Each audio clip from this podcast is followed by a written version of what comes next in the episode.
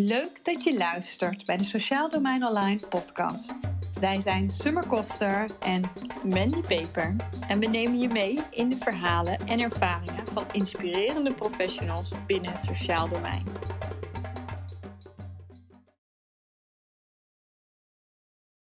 Yes. Oké, nou welkom Nicolien. Leuk. Ja, ik ben blij dat je erbij bent, want vandaag gaan we met jou in gesprek. En uh, misschien is het goed ook om je even voor te stellen. Wie ben je en uh, ja, wat doe je eigenlijk voor leuks? nou, ik ben dus uh, Nicolien den Oude en ik ben betrokken bij het ondersteuningsteam wat gedupeerde ouders van de kinderopvangtoeslagaffaire bijstaat die te maken hebben met uit huis geplaatste kinderen. En dat is een hele mond vol. Ja, ja, en um, uh, jij bent daarbij betrokken en volgens mij ben je ook een van de eerste spillen, toch? Dus eigenlijk uh, een, nou, een, persoon die al vroeg aan tafel zat toen er bedacht werd, hé, hey, wacht eens even, hier moeten we wat mee. Ja, klopt. Ja, ik denk dat iedereen zich nog wel uh, kan herinneren dat zo'n anderhalf jaar geleden er heel veel onrust ontstond. Um, er bleken heel veel kinderen uit huis geplaatst te zijn, maar mensen wisten niet echt hoeveel uh, bij gedupeerde ouders. En er kwam een enorme ja, vraag vanuit de Tweede Kamer van uh, ga deze ouders daarbij helpen.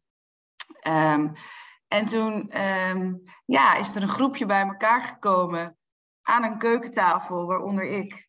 En uh, zijn we gaan nadenken over hoe we het beste konden helpen. En dat was hartstikke spannend, want ja, wie, wie zijn wij nou en uh, uh, hoe pak je zoiets aan?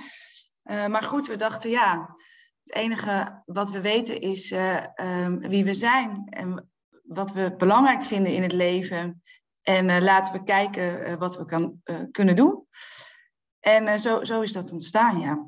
Mooi. En als ik het even probeer af te pellen, hè, want jullie zijn dus eigenlijk ja, in, het, in het leven gekomen. Jullie waren leven natuurlijk al, maar in het leven gekomen naar aanleiding van de toeslagenaffaire. Toen dachten jullie echt van, hé, hey, wacht eens even, hier is zo'n grote vraag. Um, um, hier willen we eigenlijk dienstbaar aan kunnen zijn. Hier willen we wat mee doen. En als ik het goed begrijp, waren jullie ook nog geen organisatie. Jullie zijn echt gewoon, als het ware, professionals die bij elkaar zijn gekomen aan een keukentafel. Uh, ja. uh, en daarmee een nieuwe verbinding aan zijn gegaan. Ja, maar goed, we kennen elkaar natuurlijk wel. Uh, een aantal van ons werkte al samen bij het ondersteuningsteam Zorg voor de Jeugd. Um, en vanuit daar is het ontstaan. En inderdaad, we zijn nu nog steeds niet echt een organisatie. Uh, we zijn er um, op verzoek van de Tweede Kamer. Um, het ministerie van Justitie en Veiligheid is onze opdrachtgever. Dat heb je nou eenmaal nodig. Maar we zijn bewust heel ver van hun afgeorganiseerd. Dus wij krijgen heel veel vrijheid um, om onze onafhankelijke positie ook te behouden. Want dat vinden wij ongelooflijk belangrijk. Wij staan naast ouders die heel veel wantrouwen hebben uh, op alles wat overheid is. En ik denk dat ze dat terecht hebben. Um, en dan is het goed om ten alle tijde uh, nou, goed na te denken over je onafhankelijke positie. Ja.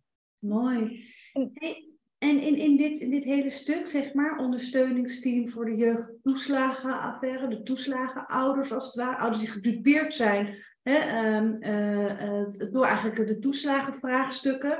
In het kort zou je dus kunnen zeggen uh, dat er in het, toeslagenaffaire onderzoek bleek dat er best wel ook wat gezinnen dusdanig ontwricht zijn dat er ook kinderen uit huis geplaatst zijn. En dat het dus ook nu de zoektocht is van ja, in hoeverre uh, is dit, zeg maar, uh, wat heeft de toeslagensituatie daaraan bijgedragen en hoe kunnen we ook echt zorgen dat deze gezinnen geholpen worden? Klopt ja. dat? dat is ja, en, en het laatste stuk doen wij. Ja. En dat onderzoek, dat, uh, dat, dat doen andere instanties. En daar is natuurlijk een tijdje terug iets over gepubliceerd. En daar, en daar lopen nog verschillende onderzoeken ook naar. Het is ook hartstikke ingewikkeld om hoeveel kinderen en hoeveel ouders het nou precies gaat. Um, dus je mag niet zomaar gegevens delen. En nou, al helemaal niet bij deze groep ouders die vaak ook slachtoffer zijn geworden omdat er uh, gegevens zijn gedeeld.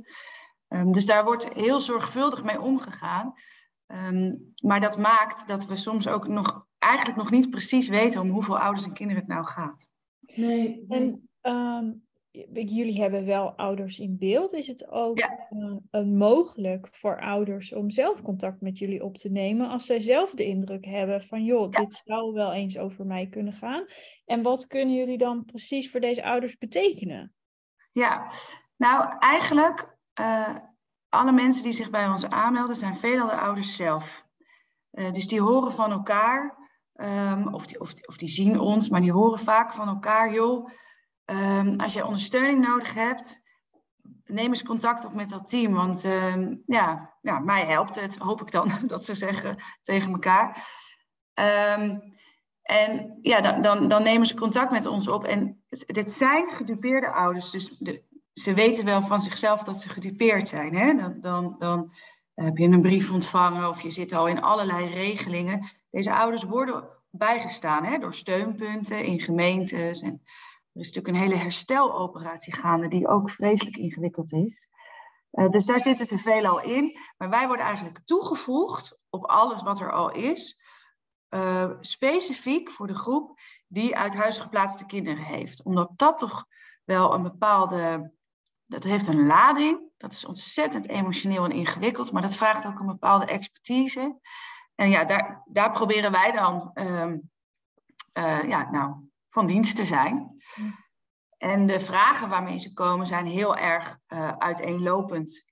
Um, um, ik denk dat mensen denken dat iedere ouder die ons belt zegt: Ik wil morgen mijn kind terug. Maar dat is vaak niet zo. Ouders weten heel goed wat er is gebeurd en ook uh, wat er nodig is. Um, en dat je daar niet lichtzinnig mee omgaat. Maar de meeste ouders zeggen wel: help mij in alles wat ik op mijn bord heb liggen. Uh, navigeer me uh, naar de juiste plekken.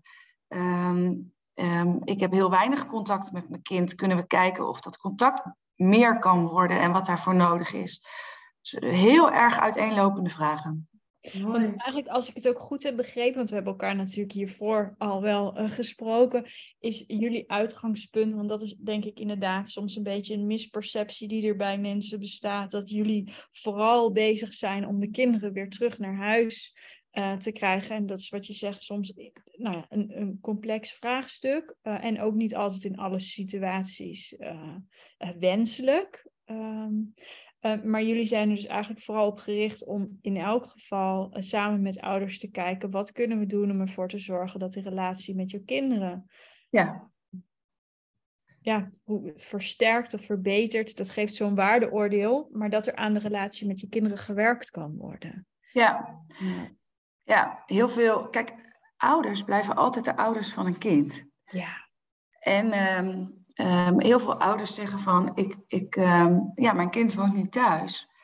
Maar maak, maak me weer moeder, maak me weer vader, help me daarbij. Dat, dat, dat raken ze ook kwijt dan, hè? als je kind uh, niet thuis woont. En uh, voor mij is iedere vorm van herstel uh, in de relatie tussen die ouders en die kinderen is, is winst, is waar we het voor doen. En in sommige gevallen is dat dan dus dat een kind weer thuis komt wonen. Maar daar zit natuurlijk ook heel veel tussen. Ja. Hey, en Nicolien, want uh, ik begrijp al, ze weten al dat ze dus gedupeerd zijn. Dus als we even, even uitzoomen, dus ze weten dat ze gedupeerd zijn. Ze hebben dan al vaak al contactpersonen. Maar ja. hoe komen ze dan bij jullie? Want dat is toch weer een andere stap. Wat, hoe, hoe vinden ze jullie? Ja, nou ja, hopelijk via onze website en, en dat anderen ze daarop wijzen. Um, er is best wel wat aandacht voor ons team. Um, juist zodat ouders ervan horen die zich erin herkennen en denken ik kan wel wat ondersteuning uh, gebruiken. Ja. En wat er dan gebeurt is, um, ze kunnen gewoon een mailtje sturen. En uh, uh, ik, ja, het is heel simpel. Ik zit aan de andere kant met mijn collega. En wij, wij zorgen dat ze binnen een dag gekoppeld worden aan een procesbegeleider. En dan gaat je ondersteuning lopen. Ja. En, en, zo gaat het vaak. geen wachtlijsten, hè? heb ik me laten vertellen. Nee. nee, nee, we hebben geen wachtlijst, omdat we vinden dat het heel erg belangrijk is dat je uitstraalt. Op het moment dat jij aangeeft dat je ondersteuning nodig hebt, dan zijn we er voor je. En dan, dan moet dat ook uh, kunnen. Nou ben ik me er heel erg van bewust dat het een heel luxe is, iets is hè, wat, wij, wat wij hebben. Ehm, de keten, waar, waar veel van deze ouders mee te maken hebben, hebben, hebben deze luxe niet. Hè? Die hebben nee. een schreeuwend tekort aan mensen en, en heel veel werk. Ehm, maar wij zijn zo georganiseerd dat uh, wij heel goed kunnen monitoren uh, voor hoeveel mensen we nog plek hebben. En als we maar enigszins beginnen te zien, hé, hey, over tien weken zit iedereen vol, dan gaan we opnieuw mensen werven. Dus zo'n proces hebben wij ingericht. Heel mooi. En je krijgt dus ook, want je, kan het, ja, je bent dus bezig met monitoring, je bent dus ook uh, on fleek met de data, dus daar ben je heel erg bewust van. Maar je hebt dus ook middelen waarschijnlijk om dat te kunnen doen in dit project. Dus de innovatiemiddelen, omdat we ergens allemaal echt voelen, hey, hier, moeten we, hier moeten we wat in gaan herstellen. Uh, je maakt er dus ook gebruik van. En je krijgt dus ook de mensen. Ja. Dat is ook. Want wat is daarin? Dan, dan, want dat is natuurlijk ook, als we naar de keten kijken, kunnen we misschien ook van leren. Uh, hoe, hoe, ja, hoe, hoe denk jij dat het lukt, zeg maar, om in deze vraagstukken dus voldoende geschoolde, gedegen procesbegeleiders te krijgen? Ja, nou, dat is een mooie vraag. Um, ik zie aan de procesbegeleiders um, uh, qua motivatie, waarom ze dit willen doen, dat is toch wel vaak dat ze zien, oh, wat is deze mensen een hoop onrecht aangedaan en uh, dat voelt niet goed. En als ik iets kan doen om daar, iets, om daar verandering in aan te brengen, dan wil ik dat graag doen. Dus de intrinsieke motivatie om dat te doen wat nodig is, is heel hoog. Daar begint het al, uh, al mee. En veel van onze procesbegeleiders zijn zelf heel ervaren binnen het sociaal domein. En herkennen ook wel die pijn van die professional, die zij ook zijn. Uh, dat dingen niet lukken, omdat systemen soms zo tegenwerken op wat kwetsbare mensen nodig hebben. En als je dan de kans krijgt om in een team te werken waarbij alles nog een beetje. Wij zijn echt gestart met een blanco canvas, wel met een opdracht, um, maar waarbij nog niet zo heel veel vast ligt. Kijk, het enige, het enige wat wij willen zijn en van onszelf weten is, we, um, ja, je, je wil transparant zijn, je wil gelijk zijn aan elkaar, je wil een bepaalde holding bieden van veiligheid eh, aan mensen hè, uh, die het werk doen, zodat zij kunnen doen wat nodig is. En uh, dat is echt wel hard werken hoor. Dat is dat, mm -hmm. zoiets, daar moet je voor, in blijven investeren. Maar als je dat dan doet, dan zie je dus dat mensen een soort vleugels krijgen en, en het ongelooflijk leuk vinden om dit te doen. Dus wij, wij krijgen veel uh, mensen altijd op ons af. Oh, mooi. Ja. ja. ja. ja ik en wat we ook een aantal dingen zeggen eigenlijk, die ik vertaal dat even naar. Um, uh, een van de belangrijkste dingen, dat blijkt ook altijd uit onderzoek, en dan gaat het even niet over de term werkgeluk, want die wordt ook op heel veel verschillende manieren gebruikt, maar is het ervaren van autonomie en hoeveel regelruimte heb je uh, in een systeem waarin we natuurlijk heel erg, uh, nou ja, er zijn kaders, we maken regels en als we een uitzondering hebben, maken we nog meer regels om de uitzondering te, vast te kunnen leggen. Ja. En jullie zijn dus eigenlijk een beetje ook het, ik zie het even als een soort van levend bewijs. Van, ja, maar als je dus die autonomie aan die professionals geeft, dan zie je, nou ja, dat er dan een soort vliegwiel ontstaat. Ja.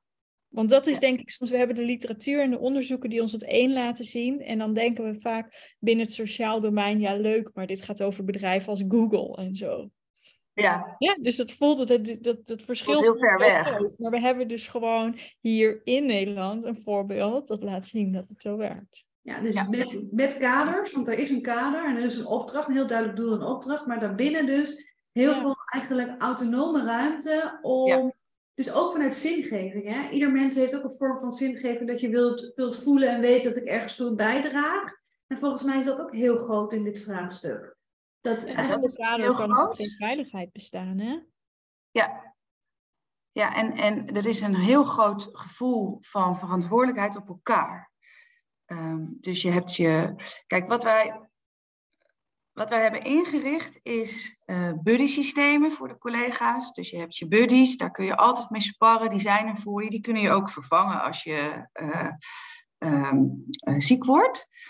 Um, er is intervisie, um, één keer per maand. mensen komen in hun landsdelen bij elkaar om te sparren. Dus er is heel veel ruimte voor wie ben jij en wat doet dit met jou? En wat heb je dan van mij nodig? En daar voelen we ons allemaal verantwoordelijk voor. En ieder zo met zijn eigen rol en taak. Maar dat gevoel maakt ook dat iemand hoeft maar een vraag te stellen. En die heeft binnen een uur een paar mensen om zich heen. Uh, en samen kom je tot het antwoord. En wij, wij selecteren de procesbegeleiders en we, leiden ze ook op.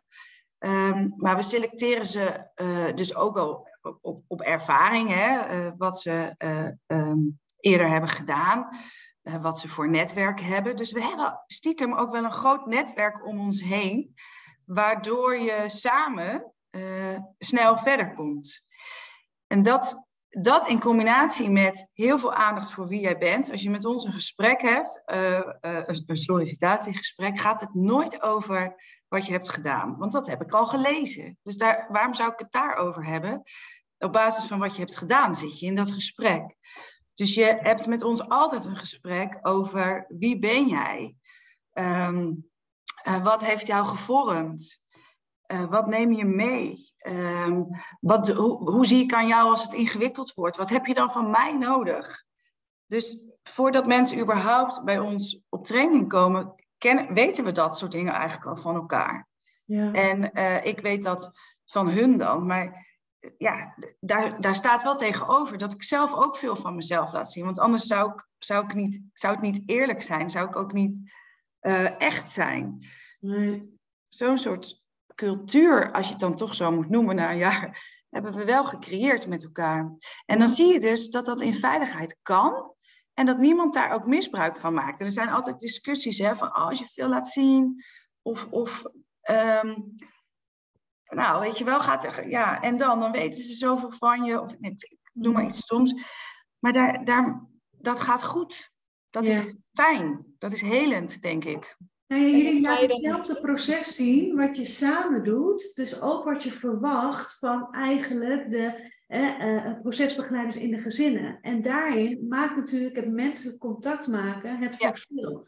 En om echt menselijk contact te maken, juist als het zo rauw is en er ook zoveel vraagstukken spelen, betekent het ook dat je als professional echt delen van jezelf kan laten zien. Ja. Heel mooi. mooi. Ja. Hey, als ik zeg maar professional uh, bij jullie zou willen zijn, hè, procesbegeleider, want ik heb ook nog een vraag hoe, hoe, over, voor de cliënt, maar nu even als procesbegeleider. Um, uh, uh, en dan vindt er ook een soort onboarding plaats, hoor ik je zeggen. Dan komt er ook scholing. Wat, ja. wat, wat, wat, voor scholing komt er dan? Waar richten jullie dan op? Um, drie dingen. Zijn we gaandeweg achtergekomen, hè? dus vraag het me volgend jaar, misschien zijn het er vier. Maar wij richten ons op traumasensitief werken. Onze mensen moeten heel goed in staat, zijn, in staat zijn om traumasensitief te werken. En eigenlijk zegt iedereen, ja, maar dat kan ik wel. Nou, dan, dan moet je met onze ouders werken. Je moet echt heel wat uh, in huis hebben en, en dit heel goed kunnen. Dus uh, traumasensitief werken, procesregie is een pijler uh, uh, waar wij heel veel aandacht aan geven. En cultuursensitief werken. Um, dat zijn eigenlijk de dingen waar de training het meest over gaat. Um, wat we merken is, kijk, wij zijn niet van de inhoud. Ja, dat zeg ik altijd heel simpel en dan, je weet dat het allemaal wel een beetje verweeft met elkaar. Maar het zijn procesbegeleiders. Ze moeten erboven hangen, ze moeten navigeren, ze moeten ondersteunen, vertalen. Um, en dat is echt knap lastig. Een goede procesregie voeren, dat is echt een vak. Ja. Dus daar is uh, heel veel aandacht voor. En uh, cultuursensitief, uh, dus je bewustzijn van jezelf in de ruimte ten opzichte van de ander. Nou, dat hebben we eigenlijk van onze ouders heel erg teruggehoord het afgelopen jaar. Dus um, um, veel van onze ouders uh, hebben een andere um, uh, nationaliteit of dubbele nationaliteit. Of, en daar kregen we wel van terug van ja, dit is wel heel erg door jouw witte bril allemaal bekeken, hè? Of zo. En, en ze hebben gelijk. Ze hebben gelijk. Dus daar is ook heel veel aandacht voor. Van, ja, hoe, hoe hou je echt rekening met waar een ander vandaan komt? En hoe label je gedrag wat je niet vanuit je eigen cultuur herkent, maar wat niet per se slecht gedrag is? Ja. Mooi. Dus je moet echt ook een kom kunnen bieden als procesregisseur, waarin alle die elementen er mogen zijn. Ja. En om dat te kunnen doen, betekent dus dat je veel kennis ook van jezelf hebt en waar jij op getriggerd wordt en wat dan je mechanismen zijn. En eigenlijk ook, uh, uh, nou ja, misschien wel veel liefde, compassie en aandacht voor het proces van de ander. Ja. Zonder uh, nou ja, gebrand te worden als er vuur ontstaat. Maar je bent wel beschikbaar. Ja, ja. Mooi. Mooi. Ja. Dus je zorgt dus ook daarin, en dat dat ook een, een, hoor ik in ieder geval, een leerproces is, wat ook actief blijft. Ja. Uh, uh, de vraagstukken waar je voor staat zijn, dus dat beschreef je al, ook heel vaak ouders die weinig vertrouwen hebben in de overheid. En nou ja, misschien zelfs geen vertrouwen hebben in de overheid. Vaak ook uh, nou ja, vormen van psychopathologie. Hè. Trauma wordt ook echt genoemd. Dus je bent ook waarschijnlijk, of de overheid zijn ook triggers in dit Ja. geval. Um, uh, jullie zijn er echt voor hun en ook laagdrempelig beschikbaar. Is het ook zo dat um, uh, andere organisaties eigenlijk kunnen aanmelden? Ja. Ja. Ja, dus uh, gemeenten melden ook wel aan. Die hebben dan ouders in begeleiding op al die andere gebieden um, waar ondersteuning bij nodig is, bij gedupeerde ouders. En die zeggen dan, oh, maar deze mevrouw of deze meneer heeft ook te maken met uithuisplaatsingen. Hé, hey, ondersteuningsteam, nou, willen jullie helpen? Ja. Moet die ouder natuurlijk zelf ook wel willen. Maar uh, ja, dus, dus andere instanties kunnen ook uh, um, bij ons aanmelden. Ja. Oké, okay, en dan is de vraag, willen jullie helpen? En dan komt eigenlijk de volgende vraag, wat doet een procesbegeleider dan? Wat is dan helpen? Ja, nou, dat is dus heel erg uiteenlopend en ook weer niet zo vast omlijnd. Eigenlijk moet je, dat, moet je het zo zien dat wij. Um, deze ouders die zijn vaak echt vermorzeld. Die hebben echt een lawine van ellende over zich heen gekregen. En die hebben dus te maken met uithuisplaatsingen. En om überhaupt een andere vorm van contact met je kind te krijgen, of wellicht weer voor je kind te zorgen, moeten er vaak heel veel, daar zit heel veel tussen. Er moeten nog heel veel schuifjes een andere kant op geschoven worden. Dus dat kan gaan echt letterlijk over, als je in je auto woont, dan kun je niet voor je kinderen zorgen. Dus meeduwen dat zo'n moeder een woning krijgt. Daar zijn dan andere instanties ook heel druk mee. Hè? Maar dat er iemand dan vanuit ons naast deze moeder staat, mee op gaat lopen, het proces overkoepelend goed in de gaten houdt, nog weer aan de bel trekt. Zo, dat helpt dan dat, uh, nou in dit geval deze moeder een woning kreeg. En als ze dan een woning heeft, dan kunnen de kinderen af en toe een nachtje komen slapen. Nou, dan heb je ondersteund in die relatie tussen die ouder en dat kind. Maar dus ook in de, in de relatie tussen, want uiteindelijk zijn er toch vaak heel veel instanties betrokken, hè, als ik het Ja. goed doorvertaal. Uh, waarin je, als jullie er wellicht niet zouden zijn, toch als ouders zijnde zelf constant bezig bent met Ja. die uh, uh, instanties. Waar je, nou, in deze situatie kan het eigenlijk niet anders dan dat je daar negatieve ervaringen mee hebt. En er is al veel aan de hand. Dus hoe is ook heel veel werk. helpen jullie ouders om om eigenlijk gewoon dit daadwerkelijk te doen. En dat ze het dus niet helemaal alleen hoeven te doen. Ja. In al die uh, dingen die we dus soms met elkaar ook echt wel ingewikkeld geregeld hebben natuurlijk hier. Ja, die met de beste bedoelingen Ja, creëren we soms echt onmogelijke situaties voor kwetsbare mensen. Dus je ziet hoeveel afspraken deze ouders hebben met, Ja. met instanties. Je kan, je, al zou je willen werken, bij wijze dat, dat zeggen ze vaak ook, hè, van ik heb een baan, ik, ik moet werken, uh, maar dat gaat haast niet, weet je wel. Uh, en alleen al daar, het, nee, ouders, ouders geven uh, aan dat ze het super fijn vinden dat er iemand naast hun staat. Ja. En er is, en er blijft. En dat dat ze rust geeft. En dat iemand is, dan zegt, oké, okay, laten we dan even bellen, want echt, dit gaat zo niet. Um, um, ik ga je daarbij helpen, weet je wel. Ja, dat vinden ze ongelooflijk fijn. Wij, wij, wij houden wel veel bij over onze inzet of het effect heeft. Nou is natuurlijk werken met mensen ook best moeilijk te meten qua resultaten. Uh, maar we doen ons best. En eigenlijk um, geven alle ouders na een paar maanden aan van ik heb veel meer rust in mijn leven. Omdat jullie ernaast staan. Zo. Ja. ja. En dat is zoveel waard. Want dan denk je nou rust, nou fijn. Maar het moment dat een uh, getraumatiseerde, getraumatiseerde ouder met veel meer rust in gesprek kan gaan met die jeugdbeschermer, wat daarvoor niet lukte, hebben die twee een ander gesprek. Ja. Twee een ander contact. kans hè, om een echt gesprek te hebben. Ja. ja. Mooi. Hey, wanneer stopt het? Want ik hoor wel hoe je aangemeld wordt. Ik hoor ook dat eigenlijk de procesbegeleiders heel veel kunnen doen. Ik hoor ook heel mooi dat jullie eigenlijk zeggen in het proces wordt er ook gemeten. En hoe ver je kan meten, zien we wel hele positieve resultaten. Ja. Wanneer is er een stop? Is er een stop? Uh, er is een stop wanneer de ouder aangeeft dat het genoeg is. Omdat het klaar is. En um, dus dat is ook weer heel erg uh, wisselend. We hebben echt al uh, uh, best wel wat ouders ook weer afgesloten. Dan zeggen ze, het, het, is goed zo, je hebt me voldoende geholpen. En we hebben ook ouders waar, ja, ja, waar, waarbij je je haast niet kan voorstellen dat het binnenkort stopt. En dat is ook wel een lastige, daar worstelen we, nee we worstelen er niet mee, maar we hebben er wel veel aandacht voor.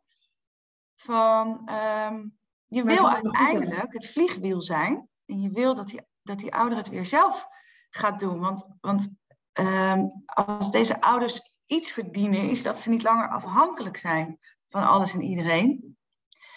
Ja, en, en wanneer stopt het dan? Dat is, dat is eigenlijk gewoon een hele goede vraag waar wij dag in dag uit ook, een, ja, ook wel gewoon uh, elkaar op bevragen. Ja, en zoekende ook in zijn. Maar ik hoor wel heel duidelijk dat jullie daarin ook een stuk regie bij de ouder neerleggen. Omdat je echt voelt, uh, we hebben een belangrijke taak in deze en dat we echt beschikbaar zijn. En beschikbaar zijn niet in de zin van het overnemen en iemand afhankelijk maken, maar echt beschikbaar kunnen zijn, waardoor er ook vertrouwen ontstaat dat die gezinnen het weer zelf juist kunnen doen. En op weer vormen onafhankelijk, of onafhankelijk mogelijk weer terug eigenlijk in de maatschappij en uh, kunnen staan voor de vraagstukken waar zij voor staan. Ja, en eigenlijk merk je op het moment dat je maar gewoon over alles, dus ook over stoppen, het gesprek aangaat met elkaar, gaat dat eigenlijk gewoon een beetje in een flow. Ja, is dat ook een onderwerp van nou ja, starten en stoppen zijn onlosmakelijk van elkaar verbonden. Ja. En zodat die onderwerpen ook echt op tafel zijn, het is ook een gespreksonderwerp is, ja, uh, ja hoort het er ook bij. En als het erbij mag horen, dan, dan, dan loopt het. Ik zie ook jou een beweging doen. Dat luistert natuurlijk, uh, de luisteraars zien dat niet. Maar jij maakt een beweging van golven. En dit is natuurlijk een soort golfbeweging waarin je beschikbaar bent. Ja. Mooi. Ja. En dat doe je dus ook samen. De, onze procesbegeleiders doen alles samen met de ouders. Dus ook praten over, joh, wat vind jij eigenlijk nog fijn? Um, hoe zie jij het eigenlijk voor je zonder mij? En, maar zij voelen echt natuurlijk wel aan wanneer, wanneer dat wel kan en wanneer dat niet kan. Je gaat, je gaat niet, na, als je net een maand bent gestart en, en de hele boel staat nog allemaal overal op scherp, moet je, hoef je van mij niet het gesprek te voeren over wanneer, wanneer zullen we eens stoppen. Nee, nee. Dat is misschien niet een handig moment. Nee. nee, maar het is wel vaak eventjes wat, wat ouders en ook kinderen in de jeugdzorg wel al meemaken. Hè? Ja. Uh, je start met een behandeling en en bij wijze van, je hebt je jas nog aan, uh, dit is een beetje lullig, maar op je eerste gesprek en je hoort al wanneer het klaar is. Ja, ja dat we gewend zijn dat dat een onderdeel is van procesmatig werken, hè, van A naar B. Dus als we heel helder zijn wat het startpunt is en wanneer het ja. eindpunt is. Ja. Uh, um, maar ergens doen jullie het natuurlijk ook een beetje heel anders. Ja, want jullie laten zien, het is niet van A naar B. Het is alles in het proces daartussen. En daar zijn we voortdurend eigenlijk beschikbaar op. Ja, en we weten dat het van A naar B is. Maar je hoeft niet op het moment dat je bij A staat, al heel erg de loop te leggen op B. Ja. Want je geeft iemand dan ook niet de ruimte om echt zich te geven aan jou. Hè? Als jij als een jongere ergens komt wonen op een groep en je, en je krijgt bij de start te horen dat je daar niet langer dan negen maanden mag wonen, maar wel zeker aan, aan vijf hele intense doelen moet werken in die negen maanden, ga je je dan helemaal geven. Ja, mooi. mooi. Mooie observatie ook. Hey, om hoeveel ehm, eh, eh, ouders gaat het die jullie ongeveer bedienen? Heb je ongeveer iets? Nou, ik heb een precies iets. Uh, wij houden alles bij, maar dan moet ik hem er nu bij pakken, de monitor. Maar ik weet het wel. We hebben het afgelopen jaar ehm, bijna 400 ouders aanmeldingen van gehad. En we hebben er op dit moment 198 in ondersteuning. Dus je ziet ook Ehm, dat we meer contact hebben dan wat we nu in ondersteuning hebben. Dus sommige trajecten zijn gewoon goed afgesloten. Uh, andere zijn maar heel kort geweest of toch niet opgestart. Ja. En ook inderdaad afhankelijk van de vraag. Ja. In, in dit geval. Oké. Hey, um, ja, ik, ik, wat ik hele mooie elementen vind, wat ik denk dat het goed is om nog even te benoemen, is eigenlijk hoe de start is gegaan. Er is duidelijk ergens een behoefte, er is een zorg, er is een vraagstuk. Hoe kunnen we elkaar vinden om hierin te gaan pionieren? Want dat is wel daadwerkelijk wat jullie doen. En wat heb ik dan ook nodig om het te kunnen doen? Want jullie hebben met dat vraagstuk elkaar gevonden. Je hebt een voorstel geschreven en je hebt ook de middelen gekregen om het te kunnen doen. Ja. En daarnaast ben je in een soort lerend proces uh, ben je bezig gegaan met altijd het einddoel voor ogen. En dat is ervoor zorgen dat deze ouders weer uh, op een andere wijze in contact kunnen zijn of een herstel kunnen hebben met het gezin. Want alleen vanuit herstel, ja, daar doet iedereen recht aan. Doet ook de, de toekomstige uh, ouders recht aan. Hè? Doet ons samenleving ook recht aan. Ja, ja. In, in alle facetten. dus alleen vanuit, vanuit die gedachte, volgens mij is dat ook keep your eyes on the ball, is dat ook elke keer waar het over gaat. En dan is de volgende vraag, oké, maar wat is daar nou voor nodig? En hoe zorgen we ook voor dat we daar sensitief voor blijven? Dus zorgen we ook voor binnen onze, ja, want het is toch een vorm van organisatie geworden, dat we uh, uh, leren en blijven ontwikkelen en openstaan voor en aan intervisie en reflectie doen. Ehm, aan wat wij als soort, ja, jullie zijn eigenlijk soort de opdrachtgevers, wat wij als opdrachtgevers of leidinggevenden doen in relatie tot de procesbegeleiders, is hetzelfde wat de procesbegeleiders in relatie tot de gezinnen doet. Dus dat je heel erg bewust bent ja, van hoe alles met elkaar verbonden is. Um, en nu is het ook gewoon, zijn de deuren volgens mij open om gezinnen te ontvangen. En zijn jullie ook daar heel erg proactief mee? In de zin van, jullie houden ook bij hey, wat zijn de verwachtingen? En wat zien we aankomen? En hoe kunnen we daar eigenlijk ook op anticiperen? Ja. Prachtig, prachtig voorbeeld. Ja. Nou ja, maar dat, dat, we zijn dit ook wel gestart met, ehm, dan gaan we het ook op deze manier doen. We vinden het een plicht als je, uh, als je met zo'n kwetsbare groep werkt, dat je goed bijhoudt uh, hoe je ze het beste dient. Ja. En dat doe je door monitoring. Maar ook, um, het is niet alleen voor die groep, het is ook um, vanwege de opdracht. Um, dit is een politieke opdracht. Wij zijn er op verzoek van de Tweede Kamer. Dat betekent dat wij het heel belangrijk vinden dat we ten alle tijde inzichtelijk kunnen maken of wat we doen zin heeft of werkt. Nou, wat ik zeg, als het gaat om mensenlevens, is dat, dat is natuurlijk een ander soort monitoring dan iets heel blauws, zeg maar. Maar uh, ja, we vinden dat wel heel erg belangrijk. Dat wij kunnen laten zien van, nou ja, weet je wel, dit is wel wat we nu aan het doen zijn. En nou, het lijkt uh, op deze manier uh, goed te gaan of te werken. Mm-hmm. En wij hebben ook gezegd, um, we willen dit doen, maar alleen als we er ook leercirkels aan kunnen hangen. En niet alleen dat wij ervan leren, maar dat we als systeem ervan leren. Kijk, als je mij vraagt waarom ik dit ben gaan doen, want ik vond het eigenlijk heel erg eng. Ik dacht zo, kan ik dit wel? Moet ik dit wel doen? Maar toen dacht ik, ik weet nog dat ik jeugdbeschermer was en dat is echt een hele tijd geleden. En dat ik uh, aan het bellen, bellen, bellen was met een woningbouwvereniging en met een waterbedrijf en een energiebedrijf. Want die werden de woning uitgezet, dat gezin. En het was al een tijdje, was alles afgesloten. En ik zei, stop ermee. Want ik moet deze kinderen anders uit huis plaatsen. En ik kan ze niet bij elkaar plaatsen. En het lukte me niet. Dus ik moest die kinderen uit huis plaatsen. Die, iedereen in dit proces die ik sprak, deed wat hij moest doen. Ik ga die mensen niet veroordelen. Maar dit proces deugt niet. Als je, als je, niet, als je vanuit de hulpverlening niet op een rode knop kunt drukken in de systeemwereld in het belang van, in dit geval kinderen.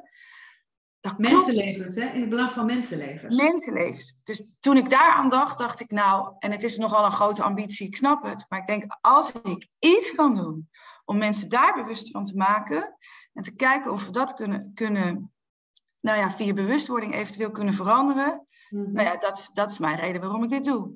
Ja, dus echt vanuit de, de lerende helikopter als het ware. Van hé hey jongens, het kan op een andere manier. Zie hier de mogelijkheden. Wat je ervoor nodig hebt is een kader, een reflectief vermogen. Maar ook de mensen die zeggen, ja maar wacht even, dit is wat we voorop stellen. Ja. En, en daar is het andere ook ondergeschikt soms aan. Het zit mee in de rugzak, want ik heb je al eerder horen zeggen, er zit best wat in de rugzak. Maar het eerste doel is echt weer ja, eigenlijk het soort de zelfbeschikking van de mens. En de basiswaarden die daarbij horen. Ja, en dus de omgeving, en dat zijn vaak professionals, eh, ze, eh, nou, bewustwording daarbij creëren van als je dit blijft doen, dan gaat er aan de andere kant iets heel. Het effect is dit en dit. Nou, en die bewustwording, ja, die is wel heel erg nodig. Maar goed, wij, wij uh, hebben bijvoorbeeld iedere maand maken we voortgangsrapportage waar alles in staat. Um, um, één of twee keer per jaar schrijven we een leerrapport. Die komt binnenkort weer uit. Geleerde lessen, ook voor de keten.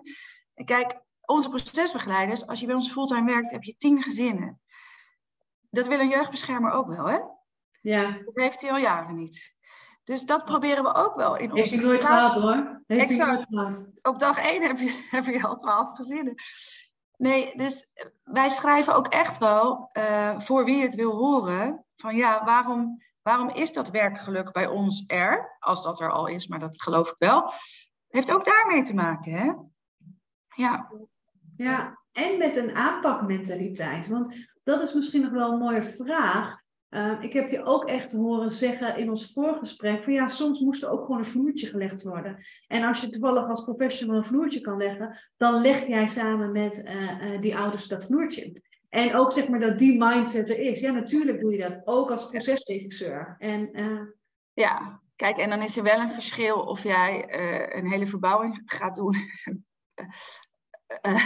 bij een ouder en niet het gesprek aangaat. Wat wij wat wij bedoelen is, doe wat nodig is om daar te zijn waar die, waar die, waar die ouder wil dat je bent. En sommige ouders vinden het vreselijk om tegenover elkaar te zitten aan een tafel en dan maar het meest heftige wat ze allemaal hebben meegemaakt over, te vertellen. Dus toen kwam een collega bij een ouder en die zei: Oh ja, je, je bent net iets te vroeg, want ik ben nog bezig met, met mijn laminaat te leggen. En die collega zei: Ik kan dat ook, zal ik je helpen? Ja, ik ga je helpen. En gaandeweg gaan ze dan praten. Dus eh, als jij denkt dat je dit op die manier moet doen, dan moet je dat op die manier doen. Ja. Ik zal dan niet tegen je zeggen, nou zeg, wat zit jij daar nou uh, je tijd te verdoen? Want ik vertrouw erop dat ze het doen om een reden, om ergens te komen voor die ouder. Ik zou het denk ik eerst andersom bijzonder vinden als je het niet zou doen. Als je de, als je de mogelijkheden hebt om te helpen daar waar je kunt, ja. uh, uh, en daarmee dus echt in contact te zijn, want dat is heel duidelijk ook wat uh, nou ja, de intentie echt contact, zodat we ook weer deuren kunnen openen en ook mogelijkheden kunnen realiseren. Uh, ja, dan doe je dat. Dus dan zou ik het haast zeg maar bijzonder vinden als je daar geen gebruik van maakt. Dan denk ik ja. Met als risico, hè, daar zijn we allemaal heel goed in, de drama-driehoek, dat je behoorlijk gaat redden. Ja. En dat jij van alles staat te doen wat hele, en helemaal losgezongen bent van je eigenlijke opdracht omdat je denkt, kom hier, ik ga je redden. Nou, en dus daar hebben we dan het gesprek over. Ben je nou aan het redden? Of was dit een interventie waarvan je wist, op deze manier um, kan ik deze ouder het beste dienen? En als het het laatste is, ja. Altijd goed. Dan is er heel veel vrijheid. En trouwens, even redden kan ook best als je maar weer terug uit die drama-driehoek komt. Want misschien hebben ze ook wel even een vorm van redding nodig als de hele wereld, je noemt het als tsunami over je heen is gekomen. Ja, ja. En dat is ook zo. Maar het, is, het hoort ook zo bij ons om dan niet meer los te laten. Hè? Ja. ja, dat is ook wel wezenlijk hè, wat je zegt. En dan daar ook weer uit te komen en los te kunnen laten. Wanneer de vraag eigenlijk ook omdat ouders het ook gewoon verdienen om niet afhankelijk te blijven. Exact. Ja. Dat is het. Ja. Daarin uh, uh, ja, gewoon het verdienen om daar zoveel mogelijk weer eigen regie in terug te krijgen. Ja, En wat is de superpower van uh, de procesbegeleiders? Wat zou je zeggen, wat, wat, wat maakt hun nou ja, bijzonder? Um, ik denk dat het een bepaald type mens is, wat zowel kan, heel goed in staat is om te denken en te doen, tegelijkertijd het overzicht bewaren, maar vooral, um, dit zijn mensen die de ander tegemoet treden vanuit hun mens zijn. En dat klinkt heel zweverig. Maar ouders mogen erop vertrouwen dat de procesbegeleiders een behoorlijke cv hebben en dus weten uh, wat ze kunnen en ook iets kunnen. Maar ze mogen er vooral op vertrouwen dat er gewoon een mens tegenover je zit of met jou iets anders aan het doen is, die ook vanuit zijn mens zijn jou wil zien. Dat is wel denk ik echt hun, hun, hun superpower. Ja. ja. Van mens tot mens echt contact maken. Heel mooi, heel mooi. En wat zijn dan geleerde les die je hiermee misschien, nou ja, niet alleen voor eh, ondersteuningsteam voor jeugd- en toeslagenaffaires, zeg maar. Welke, welke lessen kunnen andere organisaties en professionals van het sociaal domein hier uithalen?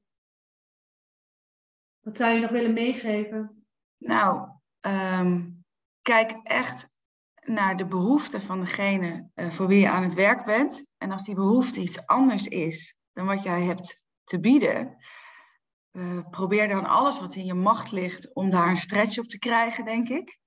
Want als je iemand iets aanbiedt waar die eigenlijk of niks mee kan omdat het echt niet gaat, of geen behoefte aan heeft, dan is de kans dat het slaagt gewoon heel klein. En ik denk dat we dat te veel doen. Um, en ik, ik zeg ook wel altijd tegen de procesbegeleiders dus van uh, zie twijfelen aan jezelf als een heilig moeten. Dus um, ja, je doet iedere dag, probeer je het juiste te doen. Maar laat het niet in beton gegoten zijn als je eenmaal een bepaalde richting op bent gegaan.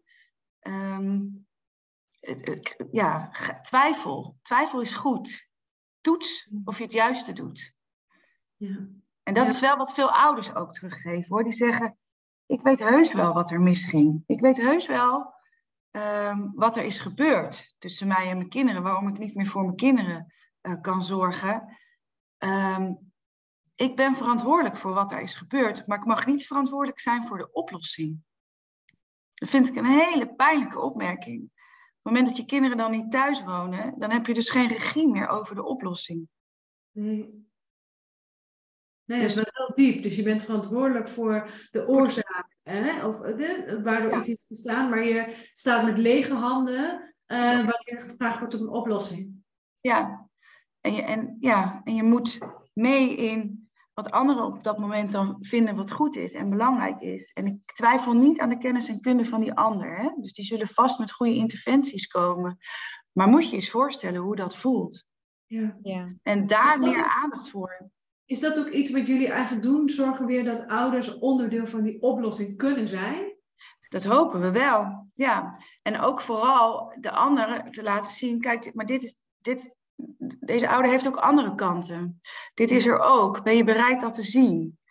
Um, veel van de ouders zeggen, ja, iets wat ik toen deed, men denkt dat ik dat nu nog steeds doe. Dus kijk ook naar of mensen een bepaalde ontwikkeling hebben doorgemaakt en durf daar ook met een beetje lef en moed naar te kijken. Want, want wij weten allemaal dat er kinderen in hele onveilige situaties uh, kunnen verkeren en dat daar soms vreselijke dingen gebeuren. Maar kijk naar wat de reden is daarvan. En als, als dit toeslagen gedupeerde ouders zijn, erken dan ruimhartig hoe afschuwelijk die toeslagaffaire voor die mensen is geweest. Want vaak wordt er gezegd, ja, maar schulden is toch niet een reden om uit huis te plaatsen? Dat klopt, daar hoeven we het helemaal niet over te hebben. Maar dit was niet zomaar even een probleempje wat erbij kwam hè, bij deze mensen. Nee. Dit is echt die lawine. Daar, kun je echt, daar kunnen wij ons geen voorstelling van maken wat deze mensen hebben meegemaakt erken dan dat je daardoor misschien wel vreselijke dingen doet uit wanhoop of weet ik veel wat. En soms ook het perspectief, want dat geloof ik altijd gewoon heel diep van binnen, hoe, hoe pijnlijk sommige situaties ook, ook zijn.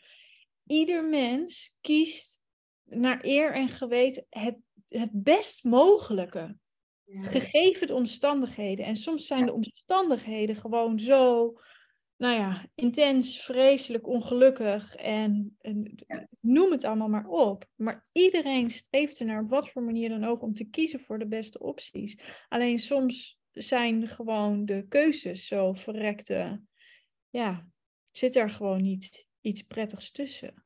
Nee, nee. En, en daag jezelf dan uit om, om naar die verklaringen te zoeken waarom dit is gebeurd. En daag jezelf ook uit om te kijken, en waar staat die persoon nu? Ja. En ja, het is misschien hartstikke spannend en het is anders dan wat je zelf zou, uh, hoe je zelf zou zijn als moeder of als mens. Maar, maar is die persoon ontwikkeld? Is, is, er, is er een ontwikkeling geweest? Weet je, ben je ook bereid om die te zien? Dat is wel wat we veel van ouders terug horen. Van, ze willen me niet zien zoals ik nu ben. Het is natuurlijk vreselijk verdrietig. Ja. Ja, en dan weer eigenlijk een soort patroon. Hè? Eerst moest je vechten tegen de Belastingdienst bij wijze van spreken. En nu moet je vechten tegen de instanties. Dus dat is natuurlijk ook het thema wat blijft terugkeren. En daarom staan deze mensen ook in een enorme vechtstand. En bij die vechtstand hoort bepaald gedrag. En dat is heel uiteenlopend gedrag. Maar als je vecht, is het vaak niet. Dat is, nou, dat is, dat is ingewikkeld. Maar je staat in die vechtmodus. En onze procesbegeleiders vechten niet mee. Dat, dat, dat, uh, dat niet. Dus uh, als je zegt van nou, ik wil mijn kinderen morgen terug en jij gaat dat nu voor mij regelen en we gaan samen dat gevecht aan, dan zal die procesbegeleider iets anders gaan doen. Um, maar het helpt wel als je iemand naast je hebt en jij merkt dat je in die vechtmodus komt, die niet in die vechtmodus komt. Ja. En die daardoor iets anders hoort. snapt dat jij in die vechtmodus zit. Ja. Dus dat dat niet gedrag is om uh, te veroordelen, maar wat eigenlijk gewoon heel normaal gedrag is. Ja, logisch. Dus super logisch gedrag ja. echt een gevolg is van wat ja. in veel situaties onbedoeld als niet normaal bestempeld wordt. Terwijl het echt gewoon logisch gedrag is, gegeven de omstandigheden. Ja. ja. Mooi. Is er nog iets, ik kijk ondertussen naar de tijd, want de tijd vliegt altijd voorbij. Is er nog iets waarvan je zegt, nou, dit moet ik nog even zeggen voordat we uh, afronden? Dit heb ik niet gezegd, moet ik even delen? Volgens mij niet. Volgens mij zeg ik altijd heel veel. Oh, ja, volgens mij heb je ook hele mooie dingen gezegd. Ja. Dus, uh, ja. Nou ja, ons leerrapport komt uit uh, eind april. En daar staan wel veel uh, uh, geleerde lessen in. En um, die zetten we dan op onze website www.ondersteuningsteam.nl. En um, ja, ja, ik hoop dat dat wordt gelezen. Ja. Nou, we kunnen ja, het sociaal domein online gewoon delen. Dus we zullen zorgen ja. dat er uh, aandacht, aandacht voor, is. voor is. Ja, heel mooi. Dankjewel. Dankjewel. Jullie ook.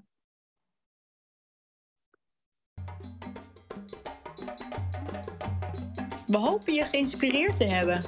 Wil je meedenken, meepraten of meer informatie? Volg ons op social media of ga naar sociaaldomeinonline.nl.